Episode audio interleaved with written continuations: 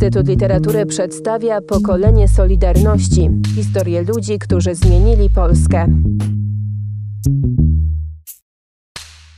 Było nas na komendzie gdzieś tam 12, może 14 osób, jeszcze przewodniczących z innych zakładów pracy tam wzięto i dosyć długo to przesłuchanie dawali nam do podpisania druk taki lojalki. Jak nie chciałem tego podpisać, o, tam oczywiście były gadania, bo ciebie zamkniemy, dzieci oddamy do domu dziecka, nie znajdziesz ich, a takie te teksty były, nie? Bo pech chciał, że wtedy jak mnie zabrano, to żona dostała ataku wyrostka dobaczkowego, nie? I zabrali ją do szpitala. I dlatego oni tak grali, bo w którymś momencie ten Esbek mi powiedział, żona w szpitalu, a, a, a dzieci do domu dziecka i będziecie je potem szukać. Nie? Z tym, że od razu w nocy gdzieś tam podszedł pod tą celę, gdzie ja byłem, jakiś chyba milicjant, nie? I mi powiedział, że nie martw się o dzieci, bo siostra zabrała, że w każdym razie byłem trochę spokojniejszy. Pierwszą tą, tą noc to byłem sam, nie, w celi. A potem, potem już czas leciał, że dołożono mi tam różnych ludzi i to tak, byli i złodzieje, ale wsadzili też faceta, którego złapano tak jakby, że godzinę policyjną przekroczył, nie? Ja go znałem i z widzenia i tak normalnie, tylko on zaczął się dziwnie zachowywać, wypytywać. Ja sobie myślę, nie będę z facetem rozmawiał. No, ale pod koniec, bo to było wtedy te kolegia takie szybkie, nie? Ja nie wiem, czy on był na kolegium, czy nie, w każdym razie mówi, wiesz, bo ja wyjdę stąd, jakbyś mi dał jakieś tam kartki, kogo mam powiadomić, kogo, nie wiem, dlaczego mu nie dałem, dlaczego nie odpowiadałem i po prostu on, przyszli go, zabrali. Potem jak ten wyszedł, to ci kryminaliści tam trochę zaczęli mnie tam tak jakby podszkalać, bo to się okazuje, że była recydywa. Oni już nie pierwszy raz siedzieli. Potem w efekcie dostali wyrok, choć mówią tak, tak w rozmowie, że mówię, słuchaj, my jesteśmy złodzieje i jak załatwisz to, żebyśmy twój wyrok, bo wyrok dostaniesz jak w dym, nie? Jakbyś załatwił tak, żebyśmy twój wyrok odsiedzieli, to my jesteśmy gotowi, nie? bo będziemy polityczne, nie? Takie były żarty, nie? Bo mówi, choć my jesteśmy złodzieje, to zasada jest jedna.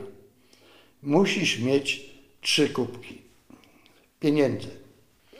I jaką byś miał sprawę, czy to nawet mówi, morderstwo też się da ukryć, część musi wziąć adwokat, część prokurator, część sędzia. I jak tylko mówi odpowiednie pieniądze, mówi zbierzesz, to wychodzisz. Oni z góry wiedzieli, że ja to dostanę wyrok, nie? Zresztą poinformowali mnie o tym, że ja mogłem siedzieć 48 godzin. I tak sobie skojarzyłem, o której mnie zamknęli, o której ten pierwsze przesłuchanie, to mi już minęło te 48 godzin. Dlatego mówię, nawet nie zastanawiaj się, mają cię wypuścić i koniec. To ja zacząłem walić ten, nie? Przyszedł tam ten milicjant, co chce? Ja mówię, ja już ponad 48 godzin siedzę i macie mnie wypuścić. Się okazuje, że przyszli ci SBC zabrali mnie do prokuratora, a u prokuratora jakieś tam przesłuchanie, ale ja już nie za bardzo chciałem rozmawiać, bo byłem taki zrezygnowany. Mówię, niech się dzieje co chce. Nie? I prokurator zastosował ten areszt. Nawet nie wiem ile, czy miesiąc, czy nie, bo 24 jak mnie z domu zabrano, to 18 marca miałem sprawę i taki byłem zmęczony, bo jeszcze w międzyczasie coś tam w areszcie spodnie mi się podarły, nie? I żona przyniosła, nie chcieli mi dać. Dlatego spóźniłem się na tą sprawę, tam musieli czekać. No i oparłem się z głową pochyloną na tej ławie oskarżonych. I pamiętam, że ktoś podszedł, tylko dzisiaj to nie dałbym głowy, czy to ta osoba, czy nie, ale mówi, słuchaj, nawet nie licz na wyjście, bo wczoraj w komitecie miejskim już zadecydowano, że ty i Zenka siedzisz trzy lata, nie? Ona dostała trzy i pół, a mi trzy lata, tak jak ten powiedział, nie? A, miał oskarżenie, w tej chwili nie pamiętam, w każdym razie za przedłużanie działalności związkowej i za obrażanie państwa czy coś tamtego. A tej koleżance jeszcze dołożono, że nie obrażała, tylko że lżyła. Takie w tym dekrecie o stanie wojennym coś takiego było i dlatego ja dostałem 3 lata, ona 3,5, nie? Zresztą to już było zaklepane. Ja nie pamiętam, co na koniec powiedziałem sądowi sprawiedliwy wymiar kary czy coś. No, tak to, tak to się zaczęło. Nie pamiętam, ale w takiej zbiorówce jechaliśmy do, do aresztów, bo jechali tam i ci kryminaliści i to była taka duża buda, nie? bo jechaliśmy przez Lubań, Jelenią Górę, potem do Wrocławia te dziewczyny wjeździ. A mnie zostawiono w Jeleniej Górze. I można by powiedzieć tak, że ten areszt, to więzienie, to dopiero mnie nauczyło, bo się okazuje, że dużo, dużo więcej mogliśmy przed tym aresztowaniem, no ale byliśmy zielani, bo nikt nas tego nie uczył. Wprawdzie gdzieś tam jakiś był taki podręcznik, że pierwsze kroki przy aresztowaniu, ale na przykład ja tego nie przeczytałem, bo, bo uważałem, że nie zostanę aresztowany. A co? A za co? Za to, że o swoje się domagałem. No ale stało się tak, jak się stało. Warunki były w Jeleniej Górze beznadziejne, nie? Bo to taka, zupełnie cela była nieduża, a nas tam było chyba siedem osób w celi, nie? Że musieliśmy materace rozkładać się okazało, że taka przyszła informacja z zewnątrz, że chcą zrobić taką pikietę, ludzie pod aresztem, nie? A nas, skoro takie tam były informacje, przewieziono od razu, ni stąd, ni zowąd, znalazł się transport i tak jak ja trafiłem do Wrocławia, ktoś tam jeszcze, ja trafiłem do takich kryminalnych. Siedziałem tam z ludźmi, którzy mieli po 25 lat wyroki. Nie, nie. Ale w sumie w stosunku do mnie to się zachowywali dobrze, nie tego. Po 3 maju trafiłem na ten oddział właściwy, gdzie ci siedzieli pozostali Solidarności. No i dopiero tam nauczyłem się, jak to działać.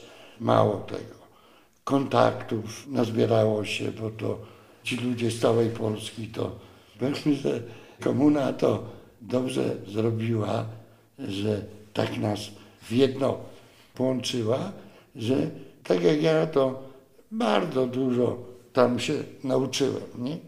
Na przykład, jeżeli ja siedziałem z takim sędzią Sądu Wojewódzkiego, no to on mi dużo tam naopowiadał, nauczył mnie, jak to trzeba działać, czy, czy jeszcze coś. Czy siedzieli ze mną z Wrocławia tam z Polibudy, potem gdzieś ze Szczecina, też chyba z Politechniki. No, z różnymi ludźmi tam się spotykało i w zależności od tej ich wiedzy, to tak jak ja dopytywałem się. Potem z Wrocławia przewieziony zostałem do Szczelina, bo takie bynajmniej po więzieniu szły gadki, takie plotki. Zresztą cały czas plotki we więzieniu różne są, ale szły plotki, że Czerwony Krzyż, tylko międzynarodowy, Czerwony Krzyż ma przyjechać na kontrol, nie? E, ponieważ no, różnie to były warunki, nie? Przewieziono nas do Strzelina, tam są takie budynki chyba dwukondygnacyjne. Mało tego, dostaliśmy nowe ciuchy, w ogóle mieliśmy taki, ja wiem czy luz, czy nie luz, no. Także siedziałem 14 miesięcy z tych trzech lat, nie? W kwietniu przyszło to ułaskawienie, nie? że a tam na mocy jakiegoś tam tego, że sąd ułaskawia. W tym marcu to już było tak codziennie ktoś tam wychodził. Człowiek tylko czekał, kurczę, kiedy moje nazwisko? I ja wyszedłem 6 kwietnia 83. E, zrobiliśmy takie, taką jedną mszę dużą, podziękowanie, że nas tam wypuszczono. No to potem zrobiliśmy taki poczęstunek. Oczywiście na poczęstunku to były tylko osoby wybierane, żeby nie daj Boże nie było obcych. No i wtedy policzyliśmy się i żeśmy ustalili, że na przykład każdego 13 miesiąca będziemy odprawiać w kościele mszę za, za ojczyznę. Nie? Ksiądz się zgodził, chociaż nie miał łatwego życia przez to, bo ta Elżbieta wiedziała, że przychodzi 13, to tam różny wystrój kościoła, krzyżem przed kościołem. I tak to było i no, w międzyczasie tam były jakieś tam wezwania, mało tego, próby aresztowania, bo to przed jakimiś tam świętami typu 1 maj, 3 maj, to mieli nas zgarnąć, nie? Ale my znaliśmy te układy już i e, przed takimi świętami żeśmy tak jakby wyjeżdżali, ulatniali się, gdzieś tam się chowali. Wtedy już tak, Jezbetia wiedziała i my żeśmy wiedzieli, że oni wiedzą tylko, że nie ma żadnych dokumentów, nie ma żadnych jakichś dowodów, nikt nikogo nie kapuje, powiedzmy, utworzył się taki już właściwy organ międzyzakładowy na wzór Wrocławia, bo to nasz człowiek był w tym zarządzie wrocławskim, nasz człowiek plus jeden, bo gdyby jednego zamknęli, żeby drugi miał taki kontakt. I my wtedy żeśmy te struktury na swoim terenie odtworzyli. No i można by powiedzieć, działało to w miarę dobrze. Informacje, jakie zbieraliśmy z tego terenu naszego, przekazywaliśmy do druku we Wrocławiu i my tylko braliśmy prasę z Wrocławia. Także to była taka historia. No, e, tak naprawdę wszystko to się, można powiedzieć, zakończyło w 1987 roku. Już wtedy nie było jakiegoś strachu. Te poszczególne regionalne organizacje zaczęły się ujawniać. Mało tego, no, wiele przekazów też, bo mieliśmy taki kontakt z Wolną Europą, oczywiście poprzez Wrocław, nie? bo to Baśka Labudowa tam to organizowała, do niej tylko informacja, czy, czy na magnetofonie, czy tak szła i no i ona to tam nadawała. I tak nam się dotrwało do końca. Wtedy, kiedy mogliśmy się już, tak jakby jeszcze nie było tej wolności, ale już nie mogli nas zamknąć za to. Nie? I, nigdy nie odeszłam od związku. Zawsze, oprócz tych 14 miesięcy, kiedy siedziałem, to jedną z powinności związkowca jest płacenie składek, jest bycie czynnym związkowcem. I ja nigdy tego nie przerwałem.